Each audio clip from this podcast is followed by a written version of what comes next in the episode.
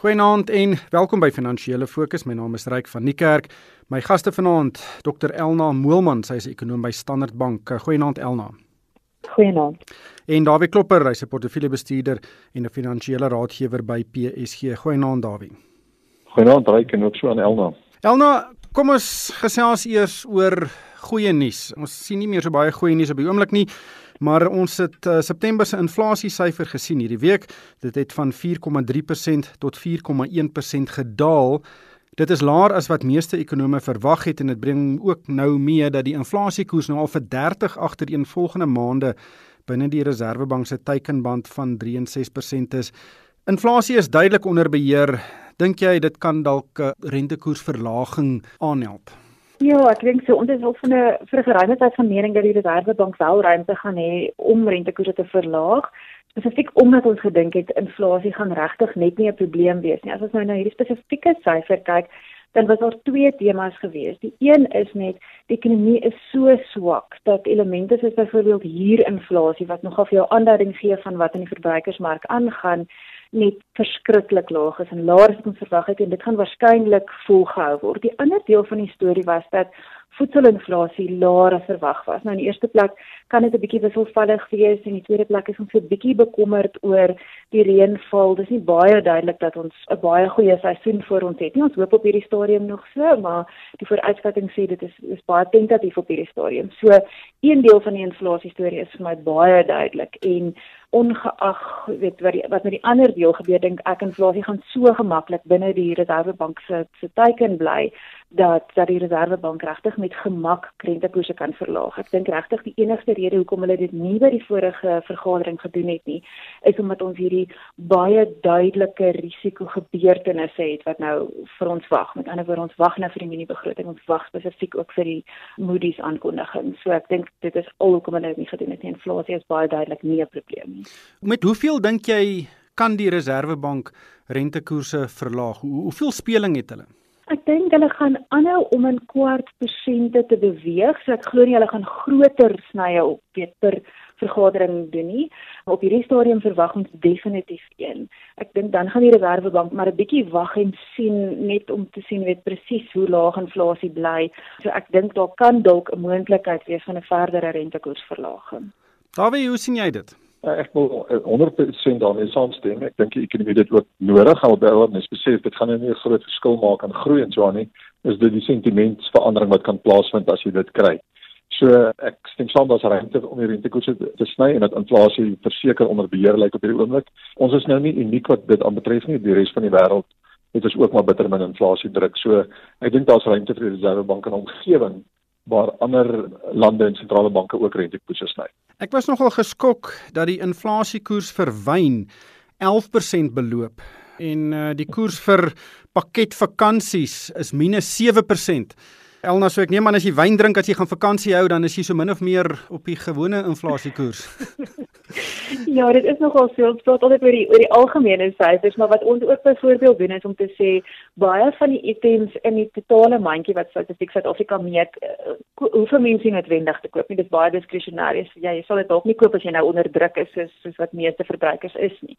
En as ons na daardie mandjie kyk, dan is die inflasiekoers ten minste so 0.5% hoër. So dit is tog dan nou so met hoor baie keer dat mense kla die inflasie wat hulle sien is 'n bietjie hoër en dit sou wel die geval wees as jy 'n um, party van die elemente wat jy nie noodwendig hoef te koop nie uit die mandjie uithaal. Ja. Daarby ons gaan die mini begroting uh, hierdie week sien.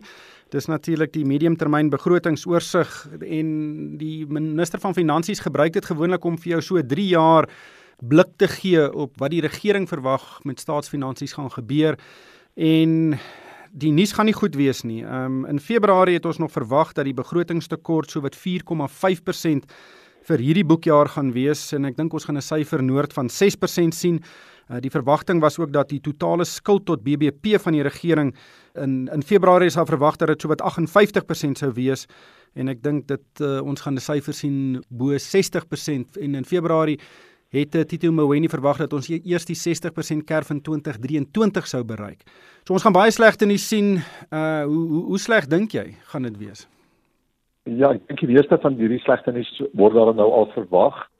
vraag is sekerlik hoe groot gaan hierdie ehm um, belasting of die daling in die belasting of die die daling in die belastinginkomste wees wat minder is as wat begroot is. Dit kan tussen like my sien daar word bespreek enigiets tussen 50 miljard en 95 miljard rand wees wat hulle onder begroting gaan inkom.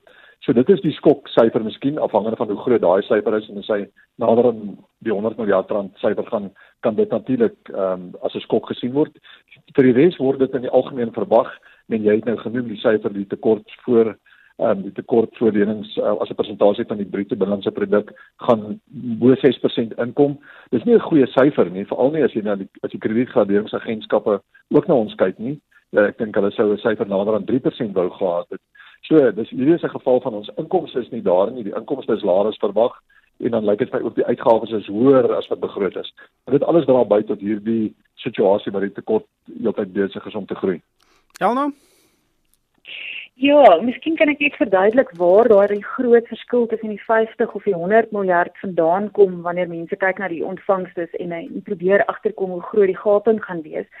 So die 100 miljard sal wees as alles aanhou soos wat dit nou aanhou. Ons weet natuurlik verlede jaar het die regering besluit om baie van hulle agterstallige BTW betalings wat hulle aan mense moet maak, nou op in in taal. So hulle maak nou daardie betalings en so met ander woorde die verwagting sal dan nou wees dat onmiddellik na daardie aankondiging dit baie hoog sal wees, maar dat dit mettertyd weer sal normaliseer. So as ons aanvaar dat daardie betalings so hoog bly soos wat hulle nou was aan die begin van die fiskale jaar, dan lyk dit asof vir mense tekort of 'n gaping van 100 miljard aan die inkomste kant sal wees. Waar as jy die aanname maak dat dit dat dit gaan normaliseer, dan kyk jy meer na so 50 miljard rand um, tekort aan die inkomste kant en ons sien wel dat daardie betalings nou bietjie begin afkom so ek dink dit ondersteun die verwagting dat dit nader aan die aan die 50 miljard sal wees.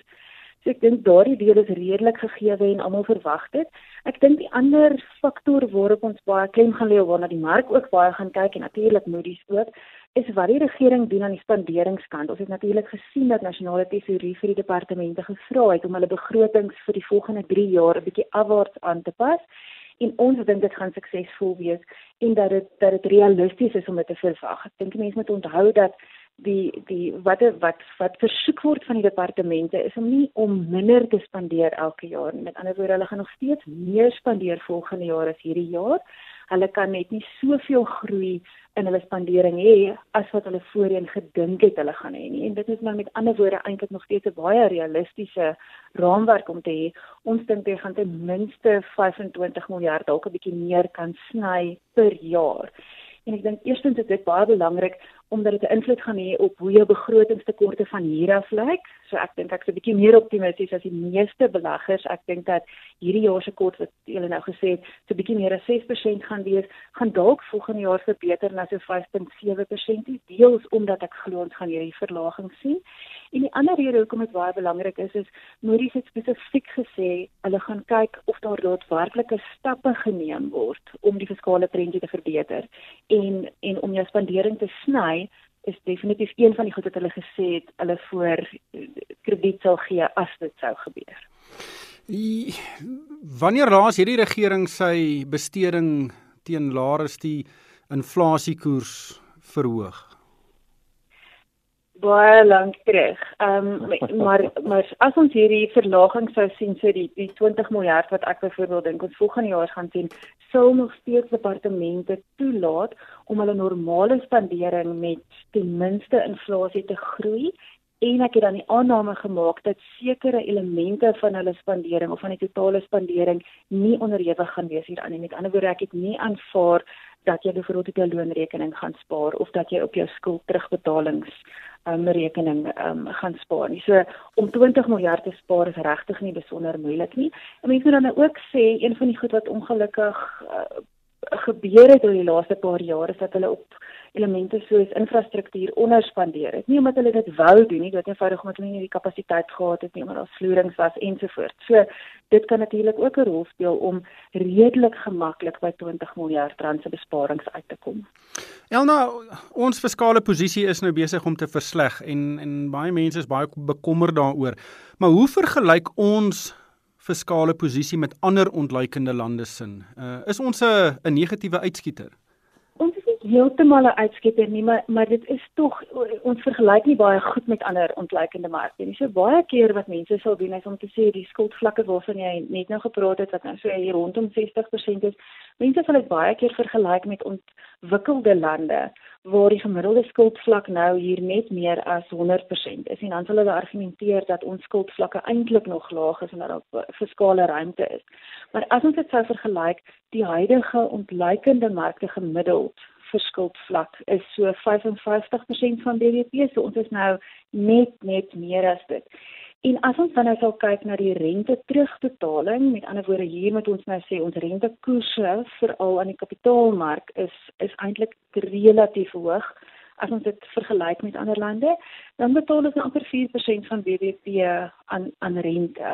En dit is omtrent dubbel te wat die gemiddelde ontleikende mark betaal. En om dit dalk 'n bietjie anderster of meer prakties te stel, Ons spandeer omtrent 200 miljard rand per jaar aan rente wat meer is as wat ons aan totale welvaartstoelaas spandeer. So dit is net so 175 miljard rand. So ek dink die punt bly net dat dat jy eh, hierdie geld nie eintlik nou baie goed uh, gebruik nie. Jy jy gebruik dit aan rente eerder as as om 'n verbetering in die land te maak. 'n Ander manier om na die fiskale prentjie te kyk is ook om te sê ons leen omtrent 300 miljard rand per jaar, maar ons infrastruktuurspandering as ek net na die regering se spandering kyk, is so 165 miljard rand. So dit sê vir jou jy leen nie op hierdie stadium vir die regte goed nie. Ja, in die uitgawes segment wat die vinnigste groei is rentebetalings uh, en, en dit is uh, dis een wat uh, hopelik omgedraai kan word in die nabye toekoms. Dawie, kom ons gesels oor die bizarre storie van die week. Ehm um, en dit is hm. die SAL Mango British Airways in Kalula wat tussen hulle so wat 46 vliegtye uit die uit hulle diens moes onttrek hierdie week en dit is nadat die burger lugvaartowerheid ongeruimthede by SAL tegnies gekry het. Dit was tydens 'n audit.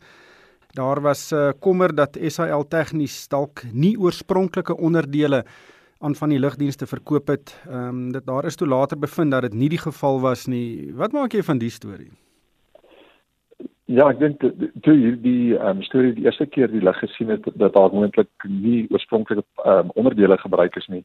Ehm um, ek dit natuurlik die die ehm um, gevaartekens laat flikker en die owerhede begin kyk ook hierna en toe besluit om hierdie audit te doen en toe bevind dat hulle bevind het. Dit is nog nie heeltemal duidelik wat presies gebeur het en wat die uit uitkomste van hulle bevindinge was nie, maar maar die punt is net dit het daartoe gelei dat daai vliegtuig toe nou gestop is en mense wil tog net met sekerheid, met vertroue um, op 'n vliegtuig kan klim. En ek dink dit is miskien ook 'n stap om seker te maak dat almal die nodige vertroue in die proses het en in die, in die dienste van die vliegtuig wat gedoen word sodat jy ja, sodat jy nie moet twyfel as jy begin vlieg nie, want dit sou tog uit die aard van die saak baie negatief wees. Ja, dit sal absoluut katastrofies wees. Ehm um, en ja. natuurlik sit jy met die SAL met geweldige probleme, maar die die persepsie tot nou toe was is dat die burger lugvaartowerheid eintlik 'n baie goeie owerheid is en die lugdienste regtig in toom hou en seker maak dat al die veiligheidsvereistes uh, aan voldoen word.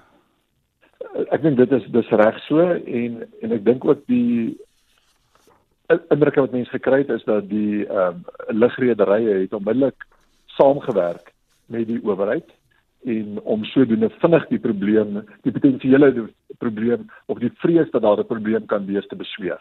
So ek dink dit was miskien uiteindelik sleg vir daai dag gewees waar die vliegtye nie kon vlieg nie en vir die mense wat daardeur geraak was, maar ek dink vir die langer termyn is dit 'n noodsaaklike oefening om te doen en mense wil nou graag sien dat SAL tegnies dan ook behoorlik bestuur word. Ons weet dan was in die afgelope jaar of 2, 3 op die oog af dan nou baie probleme daar gewees en ehm um, kom eer dat hulle vliegtye se onder um, se instandhouding weggeskuif van hulle af. So al hierdie goed moet erns weer saam met al die staatsondernemings wat weer op 'n beter bestuurde vlak moet kom, ehm um, gehanteer word. En hierdie is dan 'n baie noodsaaklike onderdeel van daardie SAL se se bedrywighede. Ons praat gou 'n bietjie oor koöperatiewe nuus. Een van die goed wat vir my uitgestaan het hierdie week was hoe goed twee kleinhandelgroepe gevaar het. Pick n Pay en Clicks het uh, resultate aangekondig. Albei het hulle wesensverdienste met uh, meer as 17% opgestoot wat eintlik 'n uh, uitstekende prestasie is in die huidige ekonomiese omgewing. Dit is so en, en daar is bekommernis dat die ehm um, SA maatskappye is al geïnkorporeerde maatskappye nie in 'n posisie is om in hierdie swak ekonomiese toestande enigstens ordentlike winsgroei te gee nie. En hier wys Clicks en Pick n Pay vir ons dat dit moontlik was. In die geval van Pick n Pay het hulle in 'n groot mate ook staatsgemaak op kostebesparings om um, dit regtig te gekry het wat ook natuurlik hulle omset gegroei met 6%. Ehm um, so dit in in hulle bruto marge het kon toeneem, maar is dan so ek sê vir al hulle kostes wat hulle kon bespaar het om dit reg te kry. Hulle het ook ander produkte bygevoeg en dit het hulle geld. In die geval van Clicks sien ons dat hulle is in 'n marksegment wat eintlik baie ehm um, defensief is en wat groeiend is. Dis die gesondheids- en skoonheidsmarkte waar hulle baie goeie groei aanteken en dan ook marktaandeel besig is om te wen en dit maak dat hulle syfers baie goed kon lyk. Is 'n kwaliteitsstel syfers wat Clicks mee vorendag gekom het. Feit van die saak is net die waardasie, markwaardasie van Clicks is baie hoog. Dit staan op 'n prysverdienste van 35. Daarteenoor staan Pick n Pay op 'n prysverdienste van 21.